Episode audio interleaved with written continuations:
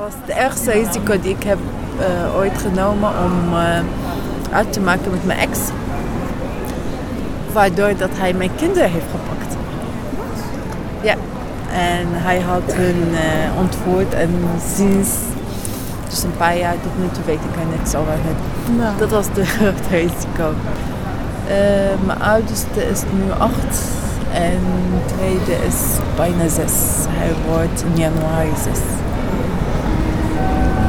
ik wist het wel dat hij wel iets gaat uithalen. Maar ja, aan de andere kant dacht ik, weet je, ik kan er niet meer mee leven. Dus ik ga gewoon mee stoppen. En sinds dat ik het heb gedaan, ja, moest ik er wel voor boeten. Ik heb geen spijt van de keuze, maar uh, ik leef wel met het gevoel dat mijn kinderen er niet meer is.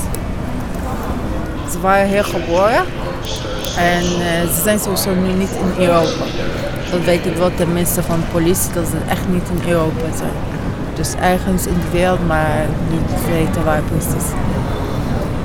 Ik ben wel met de jaren mee gaan leren ja, mee leven. Gewoon van het is gebeurd en gebeurd. Ik kan niet anders. Nee. Het was, uh, nee, het kon gewoon niet meer. Ik had wel mijn best gedaan, maar het kon gewoon niet meer. En uh, nu hoor ik het laatste van het ene programma, maar die gaat ook over zeg maar, vrouwen of mannen die hun kinderen zeg maar, ontvoerd is uit Nederland. Ja. En uh, iedereen zegt dat ik eigenlijk mee moet gaan doen. Want via hem misschien is het wel een kans om teruggevonden. Maar ja, dat is wel een nieuw risico. Om weer aan een programma te gaan zitten terwijl ja, dan weet gewoon hele Nederland wie ik ben. Ja, het is wel een, het is een echte risico. Uh, dat heeft te maken ook met misschien dat ik het niet neem vanwege hun toekomst.